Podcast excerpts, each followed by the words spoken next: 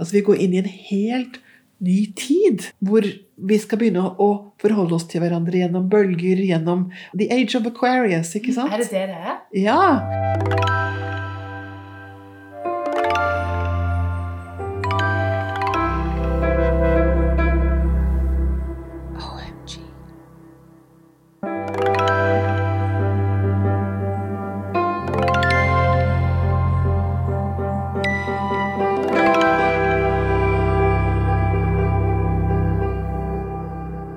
Hej Kristina! Hei, Ann.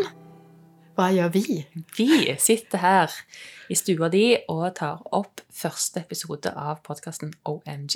Mm. Eller vi har faktisk redan spredt inn alle konversasjoner som utgjør OMGs kjerne. Såpass ærlige må vi være. Ja. Ja. Så det vi gjør i dag, er at vi prøver å recappe liksom, hva er det vi har gjort egentlig. Har Og sett det? hvorfor? Og hvorfor, ikke minst. Mm. Og OMG, hva er det for noe, annet? ja, jag skulle säga att det är en serie samtal med människor som har haft någon form av andlig upplevelse. Och samtalet rör både det, men framförallt kanske hur det har påverkat dem i deras liv. Ja. Og det, hva er da en andelig opplevelse? Og det er et godt spørsmål å ta. Jeg er veldig glad i en sånn religionspsykolog som heter William James. Som er litt sånn mitt utgangspunkt kanskje for å gjøre dette. da. Det er jo et møte med noe uforklarlig som går utover den vanlige virkeligheten, og som har fått en varig endring da, av det menneskets liv. Det er jo de folka vi har prøvd å finne, da. Ja. Mm. det for? Jeg pleier å si at jeg falt i gryta som barn når det kommer til åndelighet. Jeg har vokst opp i en eh, kristen familie. Altså, mine foreldre møttes under en sånn kristen vekkelse på 70-tallet, så det at jeg finnes, har jo med Gud å gjøre. på en Mm. måte. Hele på en måte, grunnstrukturen i vår familie handler jo om at mor og far møttes og ble kristne. Så det er jo ikke noe man kommer utenom. Og samtidig så, selv om jeg vokste opp og trodde på Gud og, og gikk veldig sånn inn i det, så gikk jeg også veldig ut av det på et tidspunkt, for det ble ting som jeg ikke fikk til å stemme Mm. i det verdensbildet. Så, og hva gjør man etter det, da? Hva gjør man med alle de sterke erfaringene man har hatt i et sånt miljø, et sånt kristent miljø som jeg hadde, da? Det har jo vært måte, mitt forskningsspørsmål i alle år etter at jeg slutta å være i det kristne miljøet. Og så møtte jeg deg, sant? Og, og du har din historie og din oppvekst som på noen måte ligner på min, og på andre måter ikke. Mm. Du kan jo si litt om det. Ja, vår bakgrunn likner hverandre i den bemerkelsen at mine foreldre også var djupt dedikert kristne. Det känns som at jeg spenderade min barndom antingen i Pingstkyrkan eller i Svenska kyrkans barntimmar eller barnkör eller på Frälsningsarméns förskola eller i Missionskyrkan som vi brukar besöka. Ibland gick jag på katolsk mässa och min mormor var lestadian. Så man kan säga att det var ett brett spektrum av Du har forskat mycket tidlig. Ja, kommer det tidigt. Och det var många tältmöten och helande möten och den typen av tydligt extatisk kristendom som jag upplevde som vardagsmat i min barndom. För mig så var det ganska tidigt tydligt att den typen av social kontext och det som sker med människor i en grupp med så viktiga frågor som tro, att det gjorde mig stressad. Så jag drog mig undan den formen av gemenskap. Mm. Men längtan och tron och upplevelse av en högre kraft som vill mig väl, den har funnits kvar hela tiden Mm. i olika varianter. Og så er det jo det som skjer da når man blir eldre og møter mange nye mennesker utenfor de miljøene man har vokst opp i. at Plutselig så innser man jo at det fins jo folk som har åndelige opplevelser som ikke passer inn Ja. i den boksen man vokste opp i. Ja, Og hva gjør man med det, da? ja. Och det, för, för vi är ju fostrade i det att Mm. de ägnar sig åt någonting som var felaktigt. Mm. Ja. Och det stämmer ju inte nödvändigtvis med min personliga erfarenhet av mina möten med alla dessa fantastiska personer som har varit med om, eller som, som en del av andre tradisjoner. Mm. Så det som vi har eh, Apropos åndelige opplevelser Vi har vel kanskje hatt lyst til å liksom eh, må, Ja, hva skal jeg si da Min eneste på en måte lakmustest på, på hva sunn åndelighet er i dag, det er jo hva er effekten av det. Mm. Hva er frukten av det? Ja. Fordi at du kan liksom ikke egentlig vite hva som er rett og galt, eller sant eller ikke sant når det kommer til åndelighet, for det er jo umulig å liksom måle. Du kan bare se hvordan har dette påvirket folk. Så Mm. Vi har jo da søkt opp på en måte folk som vi har hatt en anelse om har opplevd et eller annet sterkt. Og så har Ja. vi lyst til ok, hva er det? Ja. Totalt åpent Ja. og uten å være liksom kritisk og skal være ute til å ta de på en måte. Nei, nei, nei, nei. Vi har bare vært interessert av å faktisk få en innblikk i hva de har gått igjennom, og hvordan de opplever det. Ja, og også kanskje for at vi ønsker å få gode innspill til våre egne liv. sant? Mm. Eh, har du funnet noe her som jeg kan bruke til noe? Ikke for at man er en sensasjonalist, men fordi man har lyst til å eh, leve et så godt liv som mulig, da. Man har lyst til å dele liv og erfaringer med andre mennesker. Mm. Og, og få sjansen til få prate med mennesker som åpner opp seg og forteller om sine aller mest personliga erfarenheter. Mm. Det här fältet är ju en stor ynnest. Ynnest. Mm. En, en ära kanskje? Ja, det er fint svensk ord. Mm. Altså, og jeg tror jeg også Sånn som verden er akkurat nå, uten at vi skal snakke for mye om det, så er det jo det er mye kaos. Mm. Og mange som er redde. Sant? Det er politisk, og det er miljø, og det, det er mange som leter etter et eller annet holdepunkt. Mm. Det kan man vel si. Mm. Så vi, jeg tenker jo at podkasten vår er et, et, er et bidrag til den, til den forskningen også. Mm. Hvordan skal vi leve gode liv sammen? liksom? Ja, og, og et, vi vil jo åpne opp et rum der ett större samtal är möjligt. Mm. Och att det inte bara behöver handla om konkreta sakfrågor men eh, våra liv i en større kontekst. Ja, fins det noe mer enn Er verden kald og mekanisk? Er alt bare årsak-virkning? Fins det en, en intelligens som er mer enn mennesket? Mm. Det individuelle mennesket? Mm. Det er jo noen av de spørsmålene vi har, og det kommer jo rett og slett av behov. Mm. Kanskje vi trenger Hvis det fins, så trenger vi det akkurat nå. Ja, ja. Rett og. Eh, Och jag det er veldig fint. eh, Som sagt, vi har jo hørt alle samtalene sen forut, så vi vet jo at det er mange gode frukter som vi har merket på de trærne som vi har pratet med. Og hva er det første vi skal høre i dag? Ja, det är egentligen spännande för det borde egentligen du presentera för att det var lite på ditt initiativ. Ja, det stemmer. Fordi at dette året her så har det vært utrolig mye som har skjedd eh, i rett og slett eh, den astrologiske verden. Mm. Og dette vet jeg, og jeg innrømmer det litt sånn skamfullt, for dette, i min bakgrunn, ikke minst som pinsevenn, så er det med astrologi det er sånn fy-fy. Mm. Det skal man ikke drive med. Det er å, å tvile på Gud og søke til spåmenn og astrologer og stjernehimmelen. Ja, det, det er jo, finnes noen form av bibelstille som sier at man skal undvike å gjøre det. Eller så til og med at det, kan være så at, du, at dine barn eller barnbarn kan bli bestraffet om du selv har oppsøkt en spåmann. Ja, Så det er jo risky business på en måte å ta i for en som meg, da. Ja. Og, eller oss. Ja. og, og samtidig så må jeg innrømme at jeg liksom I, i min trosvandring så har jo jeg tvilt på veldig mye av det jeg lærte. Altså Mm. Hvorfor skal jeg ikke da også tvile på akkurat det? Mm. At det er så farlig? Jeg tycker att det er fint det du brukar säga om, om de tre vise mennene. Ja, at det, det var jo på en måte tre astrologer som fant Jesusbarnet. Mm. Og det står faktisk i Bibelen, og de får ikke kjeft. Ikke så at de får kjeft av Josef og Maria. og, og det andre som jeg har tenkt mye på, som, det er at, at jeg har blitt mer og mer bevisst på hvordan meg, altså kroppen min og psyken min og følelseslivet mitt blir påvirket av naturen rundt meg. Altså, jeg er jo natur. Jeg er en del av naturen, og månefasene påvirker meg, årstidene påvirker meg. Hvorfor skulle ikke da stjernehimmelen, som også er natur, på en måte påvirke meg? Mm. Det er sånn spørsmål som jeg har begynt å ta i. Men klart, i et mekanistisk verdensbilde, i et ateistisk sam eh, samhelle der man ikke skal tro på ting man ikke kan måle, så blir jo astrologi veldig latterliggjort. Mm. Så det, derfor er det mange grunner til at man kanskje holder seg litt unna det. Men så har jeg tenkt I'm going in. Mm. For jeg er nysgjerrig på dette, og jeg er nysgjerrig på Fins det noen lovmessighet i naturen som jeg kan få utbytte av å lære mer om? Mm. rett og slett? Mm. Og, og, det man kan si, er også at i mångas eh, ögon så er jo astrologi forbundet med veckotidnings eh, meninger om hur din uke skal bli. Og det, det jo ikke den typen astrologi vi søker her. Vi prater med en astrolog som da har stor erfarenhet av å tyde stjärnornas posisjoner, men kanskje mindre på et personligt plan enn på ett samhälleligt plan, eller? Mm.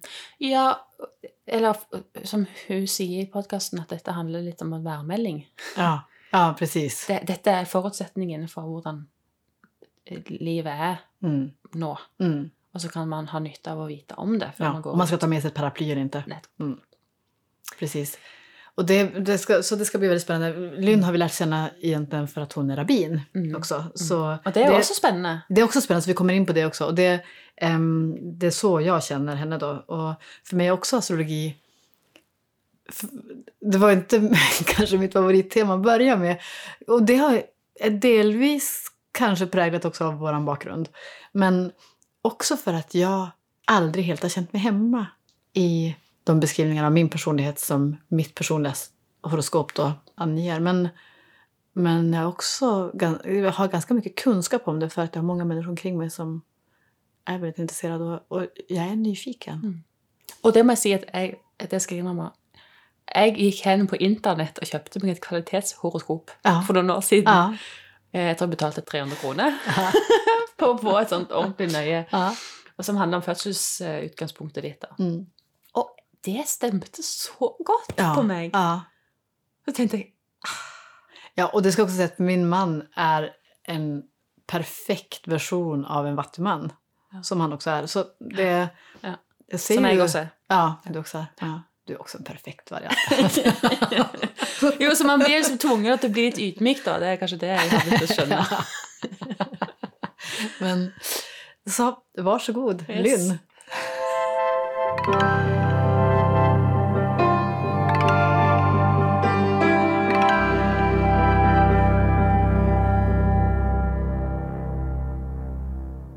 Så kanskje du bare kan begynne å fortelle litt om deg sjøl? Jeg vokste jo opp her i Oslo på 50, Jeg er født midt i 50-tallet. Og eh, med en pappa som hadde overlevd Auschwitz. Og hadde mistet hele sin familie. Eh, min mamma hun er fra London og kommer også fra en jødisk familie. Men, og England ble jo ikke okkupert av tyskerne, men allikevel ble hun evakuert under andre verdenskrig til Canada. Mye av den jødiske kollektive virkelighetsforståelsen er å ikke gjøre seg synlig i storsamfunnet. Vi skulle være mest mulig ikke synlige, som annerledes. Sant? Og det skaper jo noen egne dynamikker. Så, øh, så jeg vokser jo opp med dette, og jeg elsker og hater det jødiske samfunnet. Jeg må jo gå en gang i uken og få religionsundervisning når alle de andre har fri fra, altså på kvelden. og så når jeg kommer i gymnaset, så tar jeg også ganske mye avstand til det, men jeg drar allikevel til Israel som rett etter artium. De andre dro på religiøs kibbutz, og jeg valgte å eh, liksom freestyle litt. Begynne med å lære meg hebraisk, og så reiser jeg rundt som hippie og er på Sinai og i det hele tatt, og ender opp i, i Svat, som er en på det tidspunktet veldig kunstnerorientert liten by oppe i Galilea. Frem til da så er det liksom åpen, søkende kunstner. Jeg kjente at jeg var ikke klar til å bli boende, så jeg endte opp med å søke meg om til å komme til Norge og Danmark, men endte opp med å fortsette på Kunsthåndverkskolen i Danmark. Men iallfall så blir jeg i Danmark i alt åtte år og treffer han som etter hvert er far til mine barn. Men går inn i en, etter hvert en veldig veldig kaotisk periode hvor jeg bryter med skolen. Jeg, altså hvor du kan si som kanskje ligger grunnlaget for at jeg senere har måttet rydde opp masse. Altså som kanskje også åpnet meg veldig, veldig spirituelt.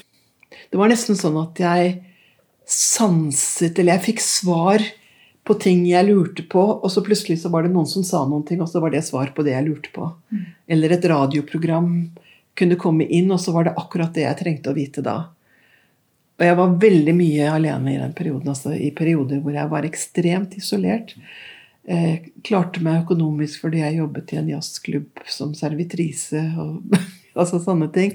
Og så traff jeg jo denne mannen som ble far til barna mine, og det var også veldig kaotisk. Men han var også veldig opptatt av det åndelige og satt og leste kirkegård til meg. og vi leste en var, altså, Han kom over en, en, en, en bok som het 'Vandrer mot lyset', som var en veldig tidlig kanalisert tekst fra 1911 som, ja, som, som, som hadde mye interessant i seg. Men det var et eller annet med at jeg, virkelighetsbildene mine fra det jeg vokste opp med, var blitt sprengt åpne. Ble skikkelig sprengt åpne. Jeg hadde nok også perioder hvor jeg Altså, jeg hadde lange perioder hvor jeg var nesten sånn i et sånt Hva skal jeg si for noe? Et sånn indre landskap hvor jeg var helt klar, og hvor jeg fikk direkte kontakt med ting jeg lurte på hele tiden. Altså, jeg var bare helt åpen. En periode over tre måneder, faktisk. Som en slags oppvåkning.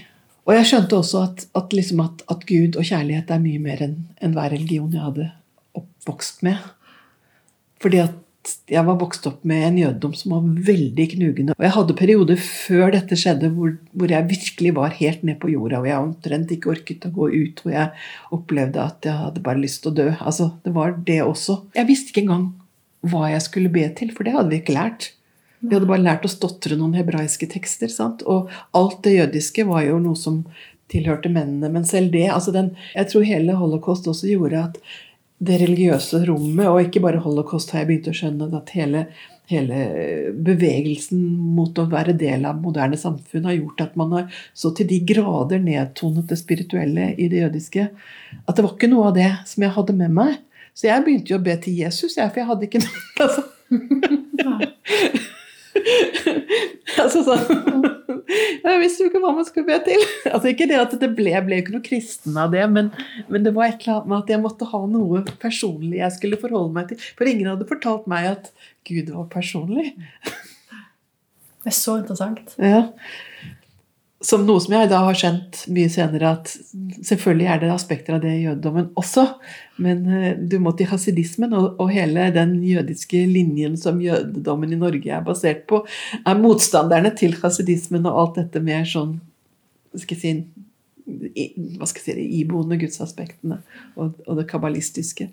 Men i alle fall, så jeg kommer ut av disse, år, disse, årene på en eller annen måte med først en sønn som gjør at jeg kommer tilbake til Norge, og så flytter mannen min etter. og det, altså det er mye vold og tull. Og, men i alle fall, jeg får et, først en sønn, og så en sønn til. Og etter en kort tid når eldstemann er to og et halvt og yngstemann er ett år og fire måneder, så er jeg så velger jeg å bo alene. Altså, så, da, da, er det nok. Jeg klarer, å, jeg klarer å bryte. Altså, det var ikke noe lett, det heller. Og så handlet det om å bare finne beina igjen. Og begynte på BI. Begynte å jobbe med økonomi og sånne ting. Og etter hvert så endte jeg med å ville studere mer. Jeg tok psykologi, psykologi grunnfag, mellomfag religionspsykologi, religionshistorie for å få ja, Jeg gikk, begynte å gå universitetssystemet samtidig som jeg da hadde disse to barna som jeg oppdro. Og i den perioden så begynte jeg å gå tilbake til det jødiske samfunnet. Altså det begynte jo med at jeg kom tilbake med en liten baby på en uke gammel jødisk gutt. ikke sant? Fordi jeg er jødisk, så er barna jødiske. Og, og begynte med å hvor faren min på det tidspunktet var menighetsforstander, altså ikke mindre, og lurte på ja, skal vi ikke omskjære denne, denne gutten. Og i neste uke så kommer det faktisk en annen, en som skal omskjæres. Eller det kommer en fra Danmark som kan omskjære fordi det er et annet barn som er født samtidig. Så det blir da til at første gutt blir omskåret, og andre gutt blir omskåret. Og jeg begynner så vidt da etter at jeg blir alene, å komme tilbake inn i det jødiske folden, som på det tidspunktet har endret seg veldig mye. Det er mye mer israelsk preget. Så at jeg har mye mer kontakter gjennom det israelske kulturaspektet, som jeg hadde med meg. Sånn at jeg fikk mange venner som da sant, Hvor den ene var israelsk, og den andre var norsk. og altså og fikk barna inn i den jødiske barnehagen. Sånn at jeg liksom virkelig sånn rekulturert Hva heter det for noe? Rekulturerte meg inn i det jødiske. Og, Hvorfor ville du det? Det var ikke noe ville. Det var det at det kjentes riktig ut. Altså det var, det var en måte For dette, nå fikk jeg også tilbake kontakten med faren min. Mm og, og, hans verden. Og så øh, Moren min hun var vel I den perioden så bodde hun veldig mye uten Jeg tror hun bodde i England og i Frankrike, så hun var ikke så mye i bildet. Og, og faren min var blitt mye mer aktiv i, i, det jødiske og i menighetsarbeidet. Og det var jo en måte for meg å kunne jorde meg tilbake etter å ha vært så langt ute som jeg hadde vært over de årene. Altså virkelig på grensen til det psykotiske. Jeg hadde som sagt blitt slått og dælja og det ene med det andre over lang tid. Sånn at eh, når jeg endelig kommer tilbake til Norge og får språket mitt tilbake, bare det å kunne snakke norsk igjen Jeg kunne nesten ikke snakke norsk etter å ha bodd i Danmark i åtte år. Så er det liksom en måte å jorde meg tilbake til noe som var kjent. Noe som jeg kjente på kroppen min. Og jeg hadde det jo også fra Israel. Jeg hadde hatt gode år i Israel, tross alt. Så det ble veldig sånn naturlig at det var måten å gjøre det på.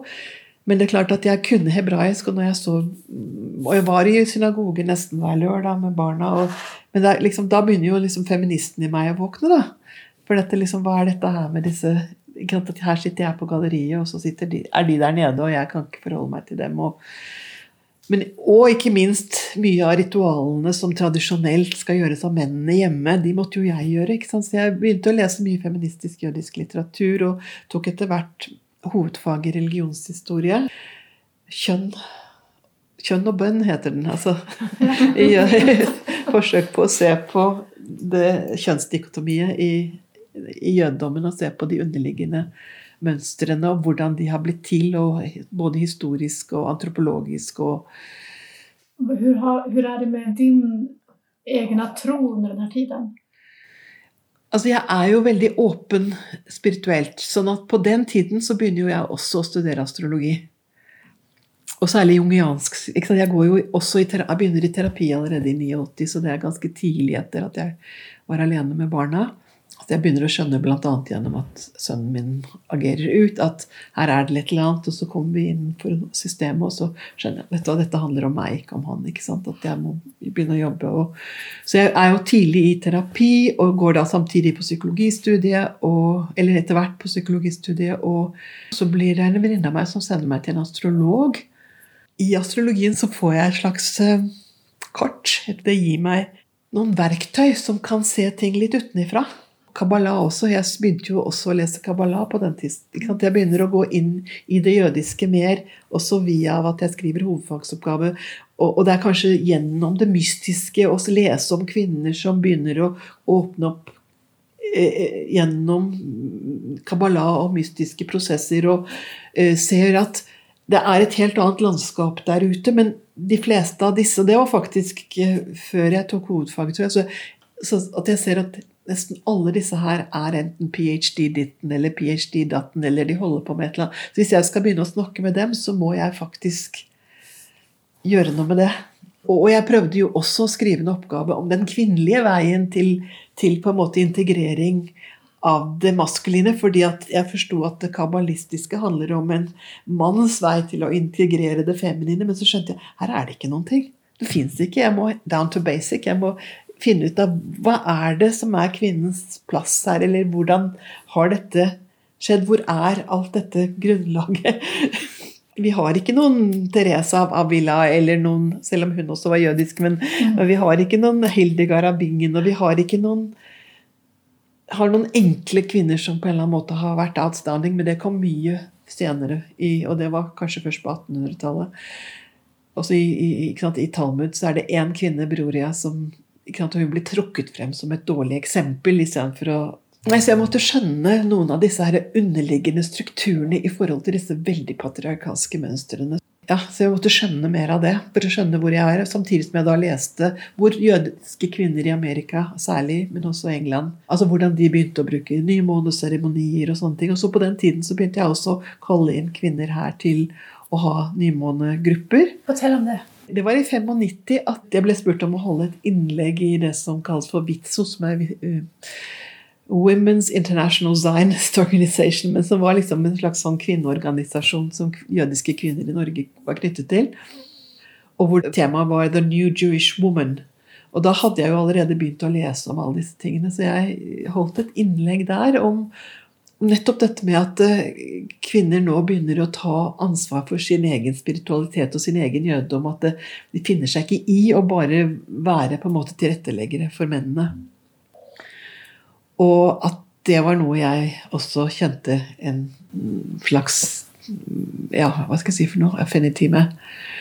Eh, som et resultat av det, så var det noen som kom i kontakt med meg og sa la oss begynne med en sånn kvinnegruppe her. Sånn. Så, vi, så, det var faktisk noen av de, liksom, de mer sånn etablerte jødiske kvinnene i den jødiske menigheten som da kom sammen. Og vi hadde i over to-tre år så hadde vi sånne grupper hvor vi presenterte temaer for hver måned i forhold til jødiske kontekster når du går inn i det liksom litt underliggende lagene av jødedom, så er faktisk også astrologi en del av det. Altså De tolv stammene er jo knyttet til astrologiske perspektiver også. Astrologi og kabbala er koblet til hverandre.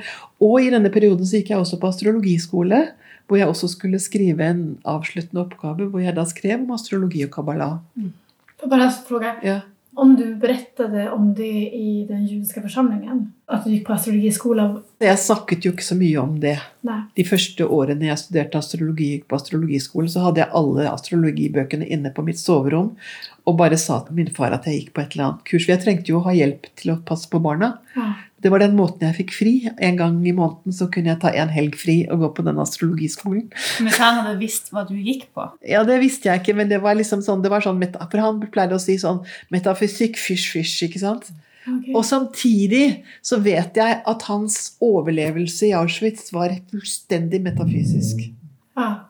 Har han berettet det? Nei, men Nei. det sanser jeg fra ah. det han har berettet. Ah. Han ville ikke frame it that Nei. way. Men for meg er det helt evident at ja, den dagen så gikk ikke transporten, så da ble, overlevde jeg det. Og, og da var det tilfeldigvis noen som gikk forbi den haugen, og så dro de meg ut av den haugen, eller Ja.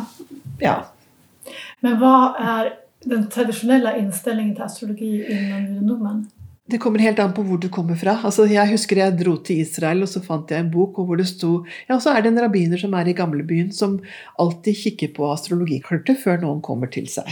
Ok. Så innenfor Kabbalah og innenfor mystisisme Men som sagt, det jødiske miljøet her har jo sagt at alt det er jo bare Det skal vi ikke ha. For det er også en del av tilpasningen til, til modernitet, til, den, til sosialdemokratiske samfunn. Ikke sant? Men det var jo noe som man kunne holde på med i, i insulerte samfunn i, i, i, i Polen.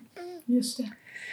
Eh, Så, så det er en aspekt av jødedommen som absolutt har det. Så jeg begynte å trekke det til meg. Sant? Og jeg ser jo at du kan lese Bibelen også, astrologisk. Men, og, og etter hvert holdt jeg til og med kurs om sånne ting. Så jeg fant jo bøker om det. Men den offisielle her er jo at eh, nei, vi tror verken på Kabbalah eller astrologi. Og du hadde jo aspekter i, i Du har jo altså, Don't go to soothsayers og Men jeg begynte jo etter hvert å snakke i kirker og sånt nå også, for å liksom, ikke for å forsvare astrologi, men for å synliggjøre. Jeg opplevde jo at den, det er et sjamanistisk lag i det jødiske som er på bunnen. Og det er fullstendig knyttet til å ha kontakt med naturen og rytmene og syklene og Og det er astrologi. altså, astrologi er jo denne koblingen mellom sol og måne og kosmos. Altså, vi har, ikke sant, Hvert 50. år så har man jubelår. Ok, det er, det er faktisk en av planetenes bane, Kiron, som først ble oppdaget i 77. Men her er det et eller annet, det er en fornyelse som skjer. Det er en, I et menneskes liv så er det en initiering som skjer i det året. Altså, du har 30-årssykluser. Altså, alle disse tingene det er astrologiske sykluser som bare har blitt en del av kulturen, men vi har glemt hvor de kommer fra. Hva var din egen første positive erfarenhet av astrologi? Du sa at det åpnet opp forståelse. Jeg husker jeg tegnet tegn allerede som 17-åring. altså Tegnet disse astrologiske symbolene. Jeg syntes de var så spennende. Også i Danmark så var jeg opptatt av det, men da syntes jeg det var nesten skummelt. Da kom jeg over noen bøker som, hvor det ble liksom nettopp den negative siden. altså Hvor det blir så mye prediktivt at du, tror at det er noe feil med deg alle steder. Men så kom jeg jo til denne astrologen da jeg var 29-28, som heter Anne Marie Amundsen, som er en av de liksom mer kjente astrologene i Norge. Hvor hun virkelig åpner opp for meg. Hvor hennes, hennes reading som jeg fikk på, på kassett, den ble hørt så mange ganger at kassetten gikk i stykker til slutt. ja, blant annet så sa hun jo også det at, eh, at jeg kunne absolutt være en som kunne lese kart og gjøre sånne ting, men at hvis jeg skal jobbe med andre mennesker, så må jeg gjøre mitt eget arbeid. Så dette var akkurat i den overgangen i 89 hvor jeg så begynte å skulle gå inn i terapi. Du nevnte Jung så vidt der. Hun anbefalte meg bl.a. å lese alt av en som heter Liz Green, som baserte all sin astrologi på Jung. Så når jeg tok mellomfagseksamen i psykologi, så baserte jeg bl.a. det på jungiansk psykologi og individuasjonsprosessen. Og sammenlignet han med Erikson, blant annet. Så, det, så, så jeg ble veldig sånn Jeg kom inn i Jung via astrologien. Via Liz Green, som både var jungiansk terapeut og astrolog. Sånn at det ble veldig prosessorientert. Så når jeg så senere kom i kontakt med det arabinske miljøet jeg etter hvert utdannet meg i fra og med ca. 2001, var jo det også en måte å forstå jødedommen og jødiske prosesser Eller det å praktisere jødedom som en mye mer prosessorientert ting. Altså at det er ikke noen ting som du skal eller må, men det handler om en, en organisk bevegelse i forhold til indre vekst. Og en hjelp til å En hjelp eller noen rammer som kan bidra til å åpne opp innenfra og ut. Ikke den andre veien. Ja. Så det var en helt annen måte å forstå jødedom på. Så det, det, hang jo sammen, for jeg hadde jo allerede da skrevet en oppgave om astrologi og Kabbalah, og hadde åpnet opp for det kabbalistiske. Sånn jeg, og så hadde jeg blitt ferdig med hovedfaget mitt og sånn, med det feministiske. Sånn at det liksom brakte det hele sammen. ikke sant? Det var et miljø hvor astrologi var jo Selvfølgelig bruker vi astrologi også. altså.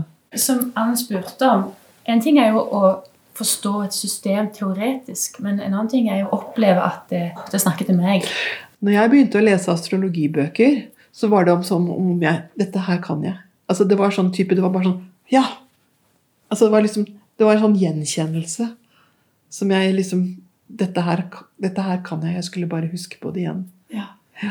Og det var en måte for meg å skjønne mer av alt det jeg hadde vært gjennom i Danmark, som for meg var helt uforklarlig. Jeg kunne ikke engang forstå det ut fra psykologi eller noen ting. Det du snakket om om å være i kontakt? For eksempel. ja, både det å være i kontakt og hvorfor jeg skulle brytes ned så mye, og hvorfor det, hvorfor det skjedde akkurat da. Altså Det var noen transitter som er så skjebnesvangre. jeg når jeg ser på det astrologisk, tenker jeg ja, selvfølgelig måtte jo det skje da.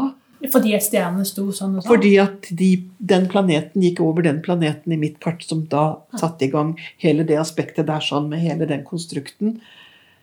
Men tenker Så, du da at ting må bli sånn som de er? Nei, nei, nei, nei, nei. Det er bare en Det er som å lese værkartet ditt. Ja. Men vet du litt om hvordan været er, så kan du i hvert fall ta noen forholdsregler.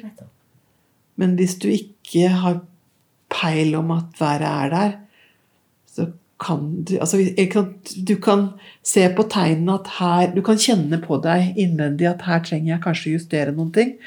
Eller du kan nekte å se på tegnene, og så kan du brekke benet, og så blir du faktisk lagt på må du ligge en stund da, og tenke litt over hva var det du egentlig gjorde. Men når du nå da som 29-åring får kontakt med astrologi, tenker du da at det er en slags skjebne i at det skjedde da? Altså Kunne livet ditt ha vært annerledes, eller ligger disse Altså Du kan si at dette med at jeg søkte innover, det tror jeg ble lagt allerede i Danmark da jeg ble så åpnet opp. Jeg måtte finne noen, noen, noe som kunne fortelle For jeg brøt alle grenser av hva som, som, som, akademia hadde fortalt meg, eller hva som religionen hadde fortalt meg. Jeg hadde ikke noen grenser. Det var ikke grenser. Var, jeg, var inn, jeg var åpnet opp i gudsrommet. Altså Gud hadde vært gjennom meg og snakket inni meg. Hva sa Gud da? Alt er kjærlighet. Det er ikke noe annet. Men, men efter den, de sterke opplevelsene kjenner, så, du ennå at du behøvde ha altså, ja, men du så, bare leve på det? Ikke sant, sånn After the ecstasy, then the laundry. ikke sant? Så kom jo hele Fantastisk. det er en bok som heter det, da. Det er ikke mitt sitat. så etter det så så kom jo på en måte skyggen. For jeg klarte jo ikke å Man kan ikke reprodusere det. Nei. Det er jo en nådegave når det skjer. Mm. Og det var en del av forelskelsesprosessen som jeg hadde med han de første, årene, første månedene jeg var sammen med han. Og når vi så kom sammen igjen et år senere og vi begynte å flytte sammen, så begynte han jo å slå meg, og alt ble jo helt på trynet. Mm. så, så eh, Nei. Det er ikke nok, det, men det har vært, et, det har vært en rettesnor. Mm. Og Gud, skjebnen Altså, stjernene kan vise vei, men de, de bestemmer ikke. Vi Og Gud er over stjernene. Det er jo også det er veldig knyttet til jødisk kabbala også. At, at vår, men vi kan velge, og, det som jeg har begynt å skjønne mer og mer etter hvert, og det skjønte jeg gjennom jungiansk psykologi også, at vi kan velge vår skjebne. Vi kan velge å gå med bevegelsene. Og da får du en helt annen kraft, ikke sant? Altså vi blir en type eh, Hva heter det for martial artists? Altså vi, mm. vi, vi går med, og ikke mot. Det er når vi går mot at det blir så vondt. Men, men varför kjenner du da, eller hur, har du forholdet deg til det i ditt eget liv? Har du liksom Undersøker du skjermens position i din vardag? Jeg har astrologiprogrammer på PC-en min. Ja. Jeg har hatt det helt siden jeg fikk PC. Ja. Men så, så hva gjør du med det personlig? Altså, Nei, altså jeg, har en, jeg vet liksom jo, Jeg er mest opptatt av de langsomme planetene. Så jeg vet liksom Nå er det jo veldig kraftig astrologi i det hele, i det totale. Og så ser jeg samtidig at Å, oh, wow! De holder jo på å, å, å utfordre hele mitt mentale system og hele meg selv, hele min kjerne. Så det er ikke noe rart at jeg holder på å gå gjennom altså At det er så, såpass utfordrende, det jeg holder på med også. Men ikke så rart at jeg holder på med det. Men, men, men det, er ikke, det, er jo ikke, det hele bildet. For dette, på et eller annet tidspunkt så kjente jeg på Ja, det er greit å ha et astrologi som en slags form for diagnostikk, eller som en slags måte å lese værkartet, men for meg så var ikke det nok. Det skjer veldig mye. Mandag så var det jo både en solformørkelse og nymåne samtidig i Skittens tegn. Det har skjedd så mye over lang tid, så det er så komplekst. Bildene er så komplekse. Altså I veldig lang tid nå så har Pluto vært i stenbukkens tegn. Og Pluto er den planeten som har med at gammelt må dø for at nytt skal komme til. Og Pluto er den, den er jo lengst ute på en måte av de synlige planetene, selv om det fins masse det som vi kaller for Kuiperbelt. Så det finnes mange planetoider som er utenfor der igjen, som vi også har begynt å ta inn i noen mennesker i astrologien tar inn også. Og, men iallfall at Pluto har vært i stenbukkens tegn, det, det, skjer bare én gang hvert 250 år ca. Så sist gang det var, det var vel i forbindelse med Med industriell revolusjon? Ja, ikke sant? Industriell revolusjon. Stenbukken er da det tegnet som har med de mest hva skal jeg si for noe solide. Det har, det har med samfunnets eh, oppbygning å gjøre, det har med institusjoner å gjøre, det har med strukturer å gjøre, det har med det som har med å, å eh, Hva skal jeg si for noe? Ja, altså jeg, liksom, Hvis du skal gå til en god lege, gå til en stenbukk. Mm. det er en sånn ryddighet og en orden, og det er strukturer og alt som skal til for at Så når Pluto, som da er denne veldig transformative energien, går gjennom denne, så har vi jo opplevd ikke sant, de siste fem, seks, syv, åtte, ti årene Jeg husker ikke hvor lenge den har vært der. Så har vi jo begynt å se at det er veldig mye strukturer som holder på å gå opp og vende. ikke sant? Og samtidig så er det Uranus, som har vært i det vi kaller for et kvadratur, som er et Kvadratur er 90 graders aspekt, som vil si at det er et veldig dynamisk energi. Altså Hvis du tenker at 60-gradersaspektene de er mer som sinuskurver, mens 90-gradersaspektene i horoskopet de, Det er akkurat som at energiene bare de kommer sånn på hverandre. Okay. De går ikke sammen. Nei. Så du har hatt Uranus, som er revolusjonsplaneten. Revolusjon? Ja. revolusjon. Det ble oppdaget under den franske revolusjonen. Så den har med å bryte mønstre. Den har vært i kvadratur. Dvs. Si at den har vært, liksom har vært i, i, i, sånn i forhold til Pluto Jeg husker ikke om det er siden 2014 eller til og med før. Mm. Altså Hvor det har vært veldig mye som har satt i gang ting. Altså Det har vært mange, mange store ting som har holdt på samtidig. altså Som har blitt forsterket. Men den har vært, det var et av startpunktene. Men så nå, da. Nå har også Saturn altså Saturn er, er, er, eh, herskeren av stenbukkens tegn, så den har i seg mange kvaliteter av stenbukken i seg. Det er fader tid. ikke sant? Det, altså Man bruker jo veldig mye mytologi her. så Det er jo også et mytologisk språk, og, og det snakker til arketyper. så Det er derfor det blir så spennende å bruke. Det, det forteller om noe som er mye mer på det eventyr, mytologiske planet. Det gir næring til noe annet i oss. Og fader tid, da, Saturn Saturns bane er sånn første syv årene i et barns liv. ikke sant? De har én fase. Ok, det er tilsvarende Saturns første kvadratur. Så skjer det et skifte, så kommer tannfellingen. Så opposisjonen i puberteten. Og så snakker man om Saturn return når man er 28-29 år. Den har dere sikkert hørt om. ikke sant? Da skjer det et enormt skifte i et menneskes liv. Denne samme Saturnen har vært lenge i stenbukkens tegn. Og eh, etter den så har også Jupiter kommet. Som Jupiter er en planet som bruker tolv år på sin bane. Så disse to, Saturn og Jupiter, de er liksom Hva skal jeg si for noe? De er en slags sosiale planeter. Fordi de, folk i samme aldersgruppe vil stort sett ha disse to på samme plass. Det er generasjonsplaneter. Mm, Saken er den at Jupiter og Saturn og Pluto har da alle tre vært sammen i stenboken ganske lenge nå. Hele dette året. Mm. Ja.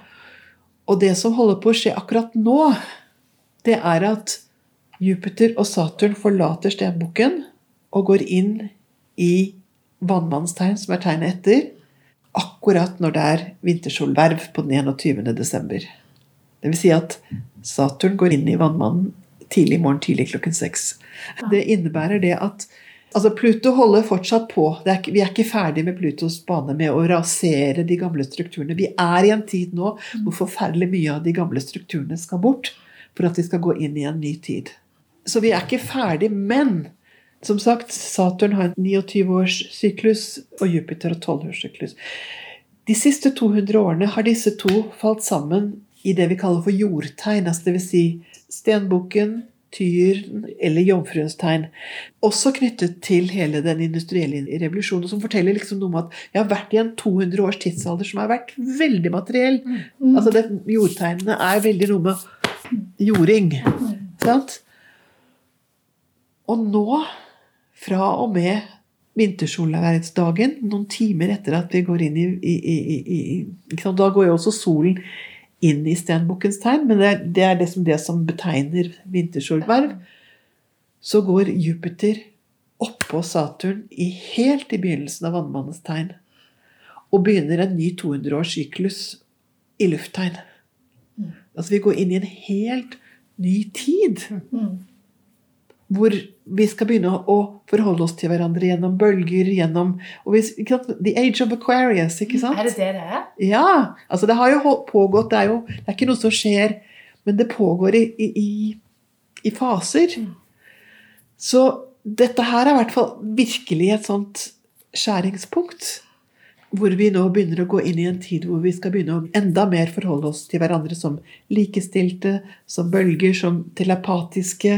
Altså Tenk på hele denne covid-perioden. Den har jo lært oss å skjønne at vi fungerer og kommuniserer på langt flere nivåer enn det vi før trodde. Sant? Altså For meg så er astrologi et verktøy til å synliggjøre bevissthet. Det er ikke det eneste verktøyet, men det er ett av dem som er veldig spennende. Men tenker du med den forandringen som kommer at det er en positiv forandring? Vet du hva, Det er helt opp til oss. Ja. Jeg tror vi er med på å skape det, men jeg tror at den positive delen av det er at vi må innover for å skjønne hva som er viktig for meg. For Hvis ikke jeg begynner å kjenne etter hva som er viktig for meg, og hva som jeg syns hvordan samfunnet skulle være, hvordan mine medmenneskelige forhold skal være.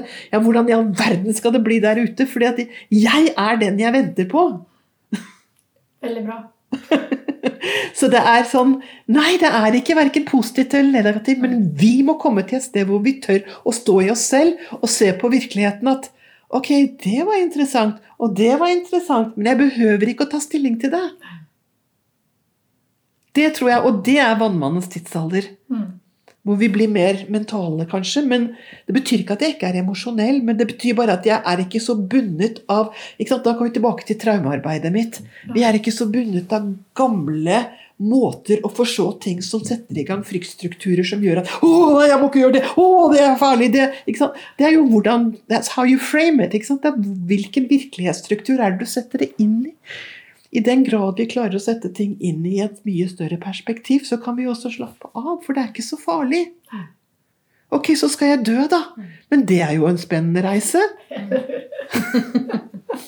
er det så farlig, da?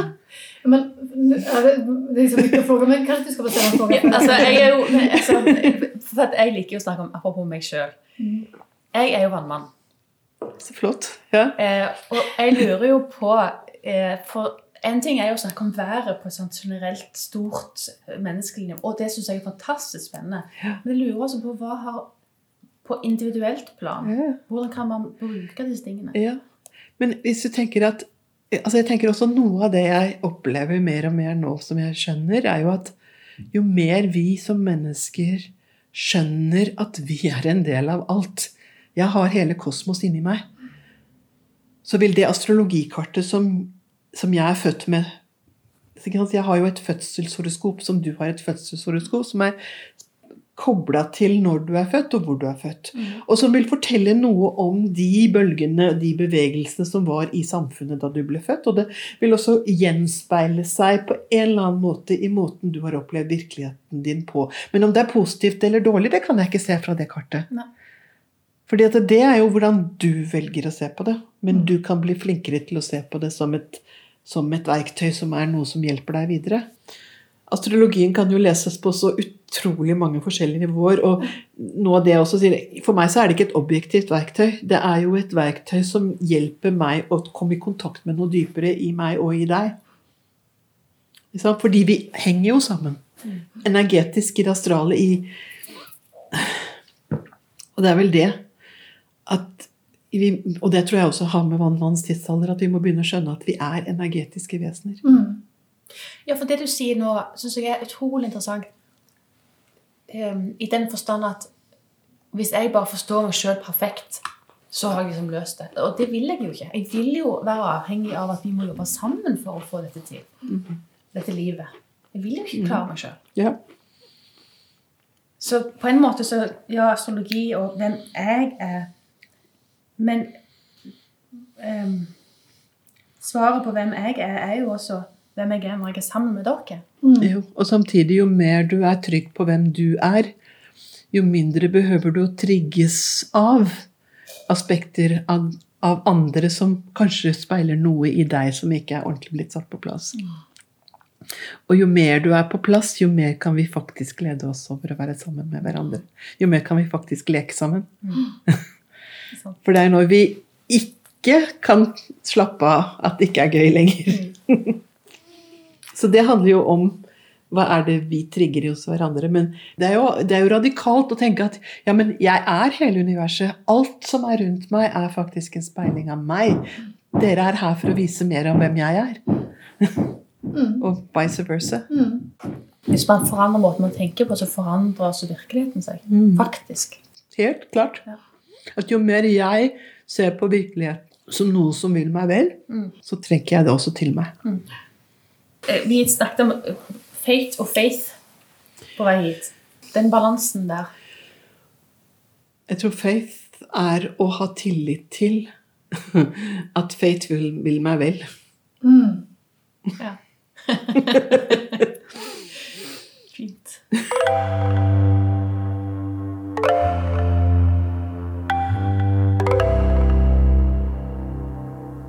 Det är ganska många personer just nu som är rädda för globala sammansvärjningar.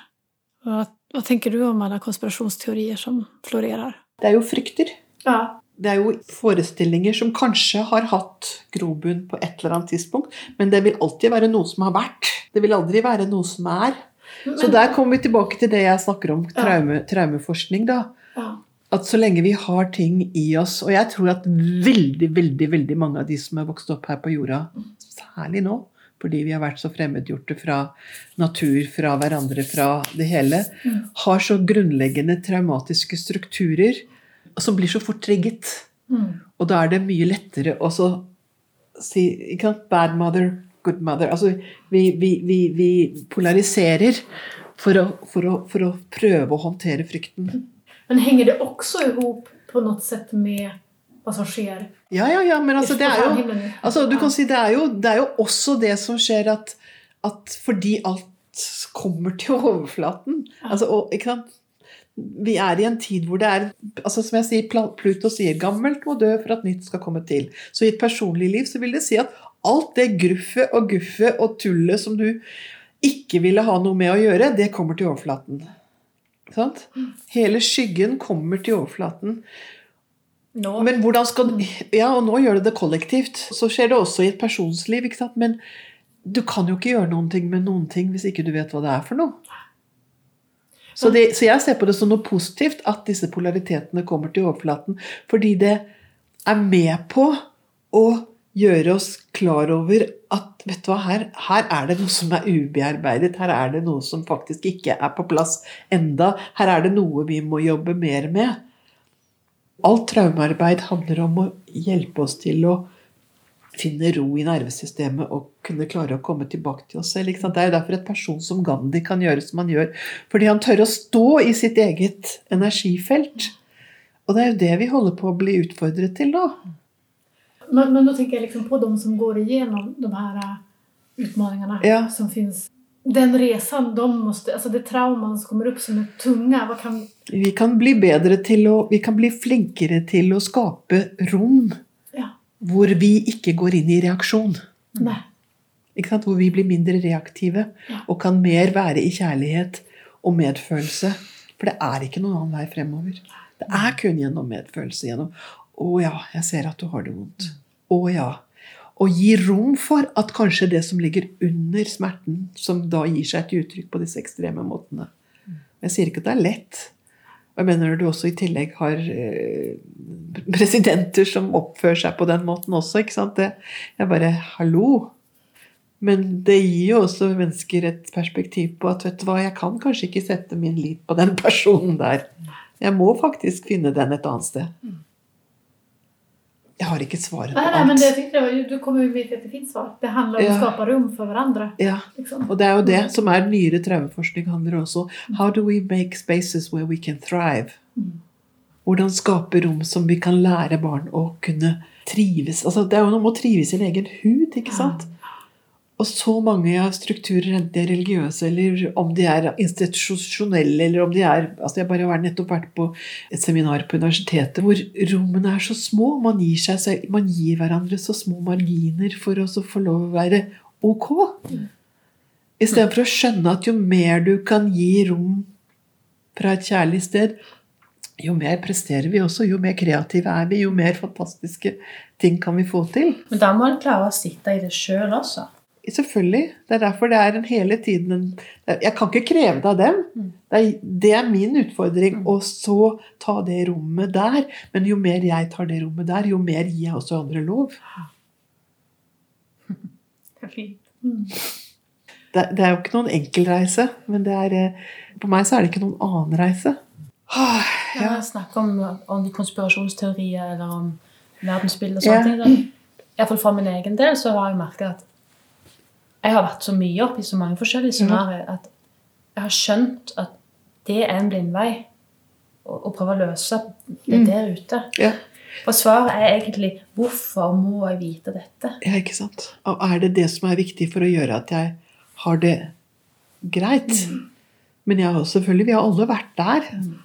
Og hvis jeg hele tiden tar og, og, og har mitt Altså hvis min, mitt, min velbefinnende er avhengig av det jeg ser på NRK Dagsrevyen Eller at jeg har forstått et religiøst system riktig. Ikke sant? Eller har gjort det riktig altså, Jeg har jo vært gjennom hele den reisen i forhold til jødedommen, for der, er, der kan du skikkelig bli ekstrem. altså. Ja. Men jeg har gått så langt at jeg nesten ikke orker å ha med, ha med det jødiske miljøet å gjøre i det hele tatt. ikke sant? Selv om jeg er ordinert rabbiner. Så men, det er ikke bare enkelt. Nei. Men jeg tyckte det var veldig fint. Han, eh, Shlomo Kallenbach, Ja. eller han säger då, eller skriver i en text att om, dina, om ditt barn vaknar och du inte tröstar det när det gråter och du har bråttom och du är arg, barnet är ledsen, du ger inte det kraft. Då sprids de dåliga energierna Videre. över världen Ikke och någonstans kommer någon att börja kriga med en annan. Men om du tar ditt barn Ja. och kramar det och tackar det för att det finns i ditt liv ja. Då sprids den gode energien, og noen och blir det fred. Ikke sant? Og da, alt handler om det.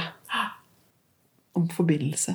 Enten forbindelse innover eller forbindelse med hverandre. Hvis det er sant, så er jo det fantastisk. Ja, Ja, Men det er jo sant. Jeg tror det er sant. Hvordan kan det ikke være sant? Ja. Men vi har kulturer hvor vi liksom skal være så, Stiff upper lip og gudene vet. Og at ting må skje på en måte Etter skjemaene. Ja. Men, men det er det da som kanskje stenbockens hå- järnhårda grepp Det er det stenbukkens tegn veldig mye handler om. Altså i hvert fall på den negative, ekstreme siden. ikke sant? Jeg lærte fra en astrolog som sa kan du som foreldre lære å bli en gummisaturn, ikke en, ikke en, eh, ikke sant? Ikke en stensaturn, ikke sant? ja, du må lage grenser, men de bør ikke være sånn. De kan være La oss leke litt med de grensene og finne Ja. ut hvor er det det passer for oss begge, da.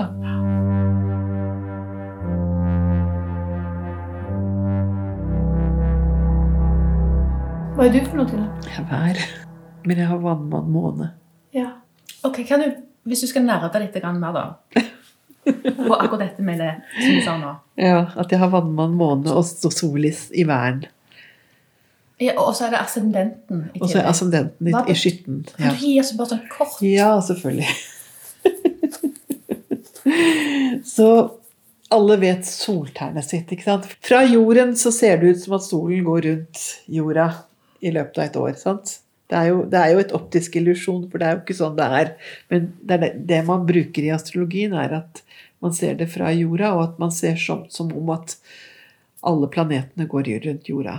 Soltegnet vil si der hvor solen er i forhold til stjernehimmelen.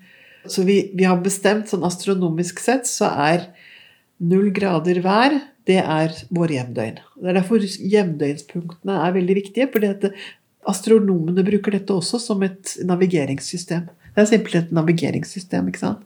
Så der hvor sol, dag og natt er like lange, vårjevndøgn, høstjevndøgn, det er henholdsvis null grader hver og null grader vekt. Og nå som det er kortest dag her nord og lengst dag i sør, og der hvor det er lengst dag i nord og kortest dag i sør, det er da sommersolverv og vintersolverv, sant? henholdsvis hvor du er på kloden.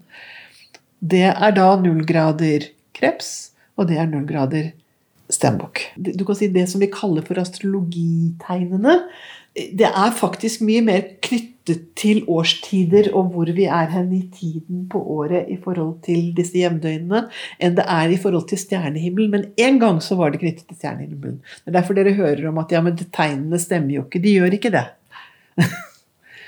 Fordi det går baklengs gjennom, og det er derfor vi snakker om at vi nå kommer inn i vannmannens tidsalder. fordi vi, det, det er mange sykler som skjer her. Men det jeg syns er viktigere, er at at stjernetegnene gjenspeiler noe av opplevelsen av å være her på jorda. Altså, vi opplever jo at når vårjevndøgn har vært, at våren kommer, og at energiene begynner å sprette, og, som er veldig mye med væren å gjøre. Ikke sant?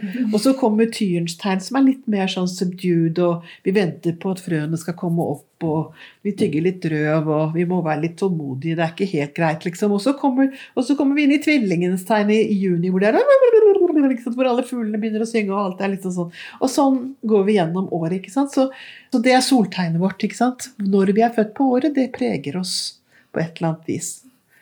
Og så har du gjennom en måned, hver måned så går månen gjennom hele zodiaken også. Og vi vet at det er nymåne når månen og solen står sammen. Når de går oppå hverandre, for da blir månen borte. Og så er det fullmåne når månen er akkurat opp ovenfor solen. Det, det ser vi. Og så er det kvartmåne, og så er det alle disse ting. Det har jo de gamle menneskene sett også. Det er jo noe som har Så alle kalendere på en måte er basert på det. Den jødiske kalenderen er fortsatt veldig knyttet til månesyklusene, og så prøver den å tilpasse seg solåret ved å sette inn en ekstra måned ved spesielle anledninger for å få det til å gå opp. Mens den muslimske kalenderen går bare etter månen. Men den, og den gregorianske kalenderen går bare etter solen, så den har ikke Månesyklusen er ikke, er ikke lenger i takt med kalenderen. Men, men dette her er jo det som kalendere er bygget på. Eh, Så gjennom en måned så går da så vil månen være i ett av disse tegnene. ikke sant? Og så sier vi at, liksom, at akkurat som at disse tegnene blir en slags form for scenarioer eller baktepper eller de har liksom, Jeg ser på dem som sånn energetiske fargerom.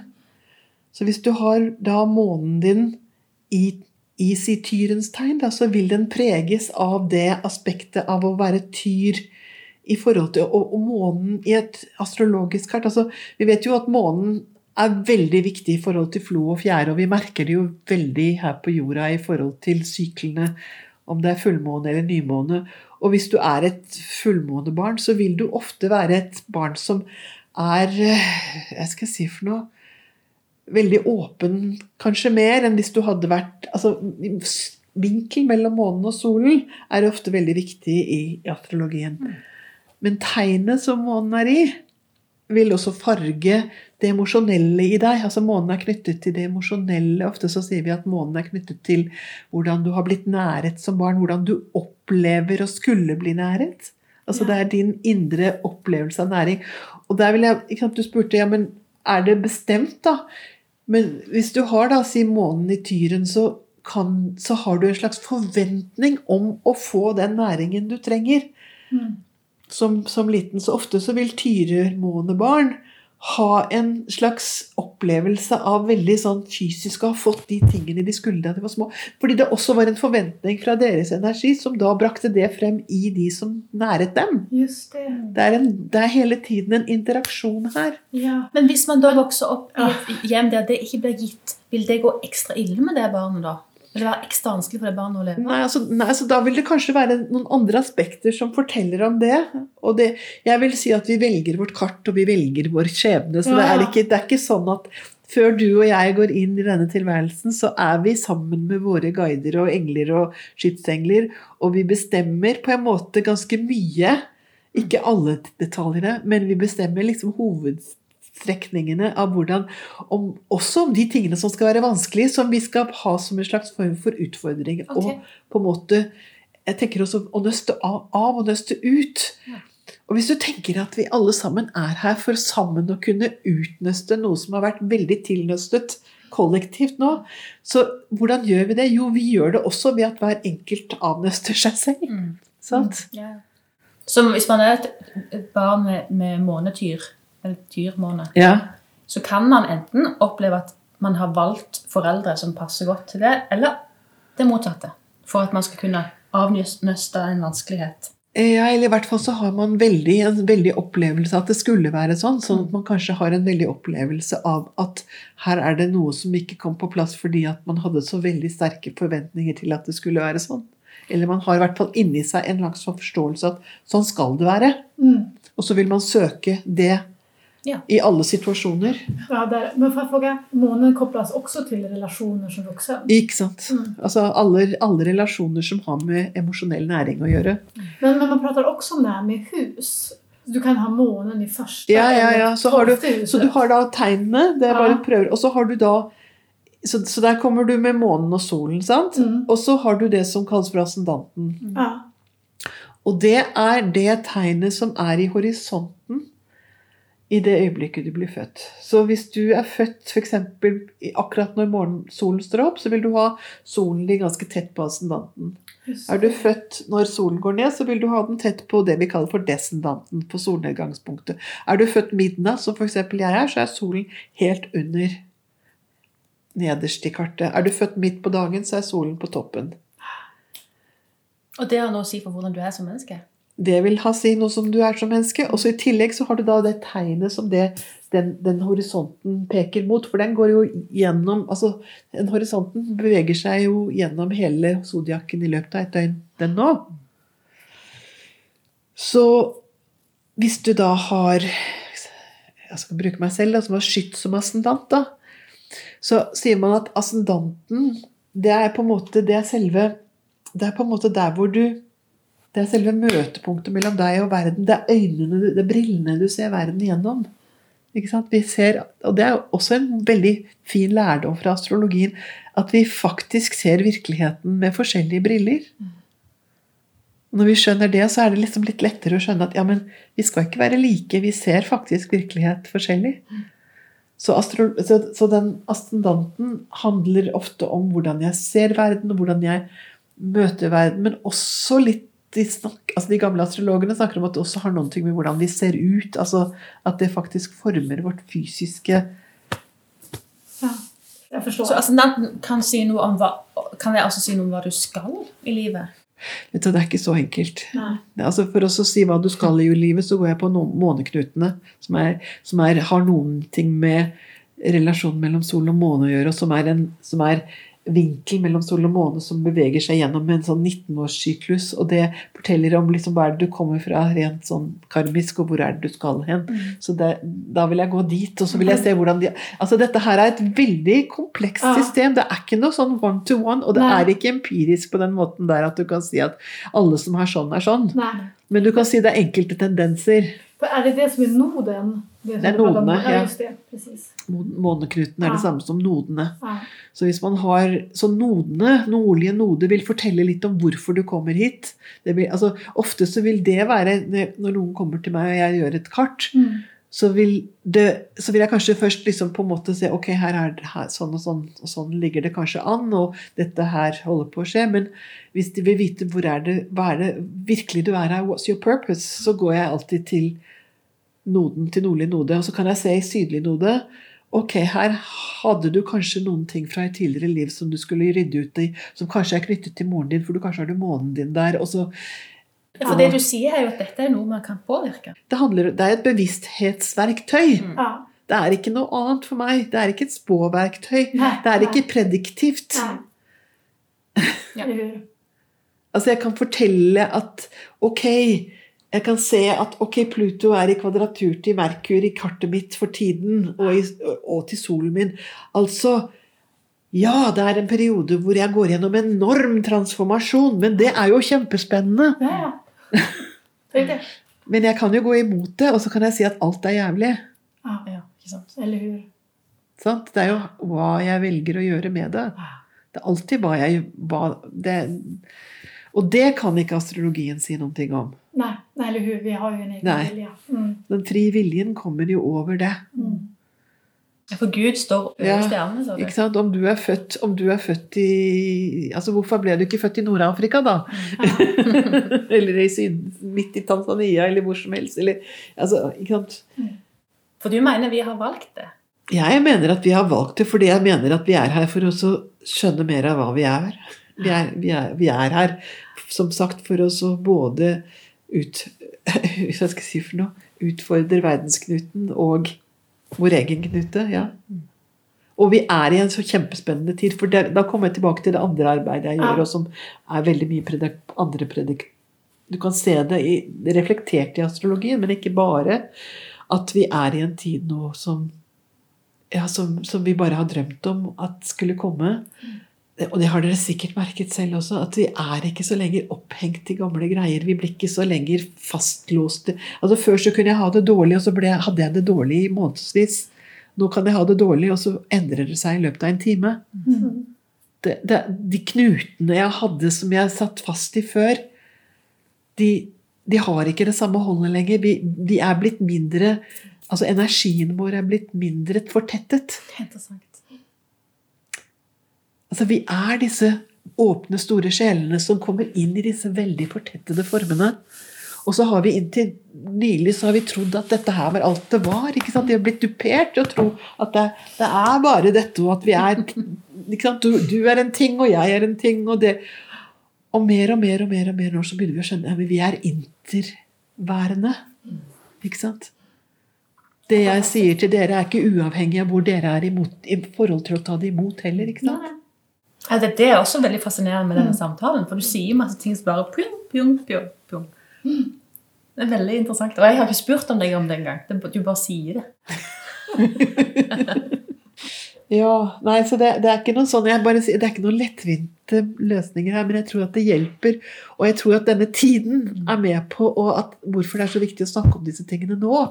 Det er fordi at vi lever i en tid hvor det er veldig mange mennesker som begynner å våkne opp og begynner å skjønne at vet du hva, verken Aftenposten eller NRK har svaret på alt. Ikke sant? Jeg er jo journalist opprinnelig. Så jeg har vært gjennom den. Ja, Og at vi må begynne å spørre spørsmål på en helt annen måte enn vi har turt å spørre før. Men nå skal jeg stille et spørsmål Ja. fordi jeg kommer fra det jeg gjør. Hvis noen hadde fortalt meg når jeg var 16 år at jeg skulle gå og få en sånn soul reading, og at noen skulle hjelpe meg å eller snakke om tidligere liv eller, eller døde mennesker som, Da ville jeg tenkt her kan du komme i kontakt med åndskrefter som ikke er gode. At dette er skummelt. Hadde jeg instinktivt Ja, og du ville helst ikke, heller ikke oppsøkt det. Nei. Sant? Nei, nei. Ting kommer når du er klar. Og jeg kom jo til det som sagt innenfor et, et miljø hvor jeg allerede hadde vært i mange år og truffet mennesker jeg hadde veldig tillit til, og kvinnelige rabbinere som hadde hjulpet meg over en del av mine indre frykter i forhold til disse gamle systemene Ja, for du forstår hva jeg mener når jeg Ja, jeg forstår fullstendig hva du mener, for jeg var sånn selv. Ja. Bare det å gå til en astrolog første gangen var ikke noe sånn enkel greie. For ting kommer når du er klar. Takk, Linn. Virkelig. Ja.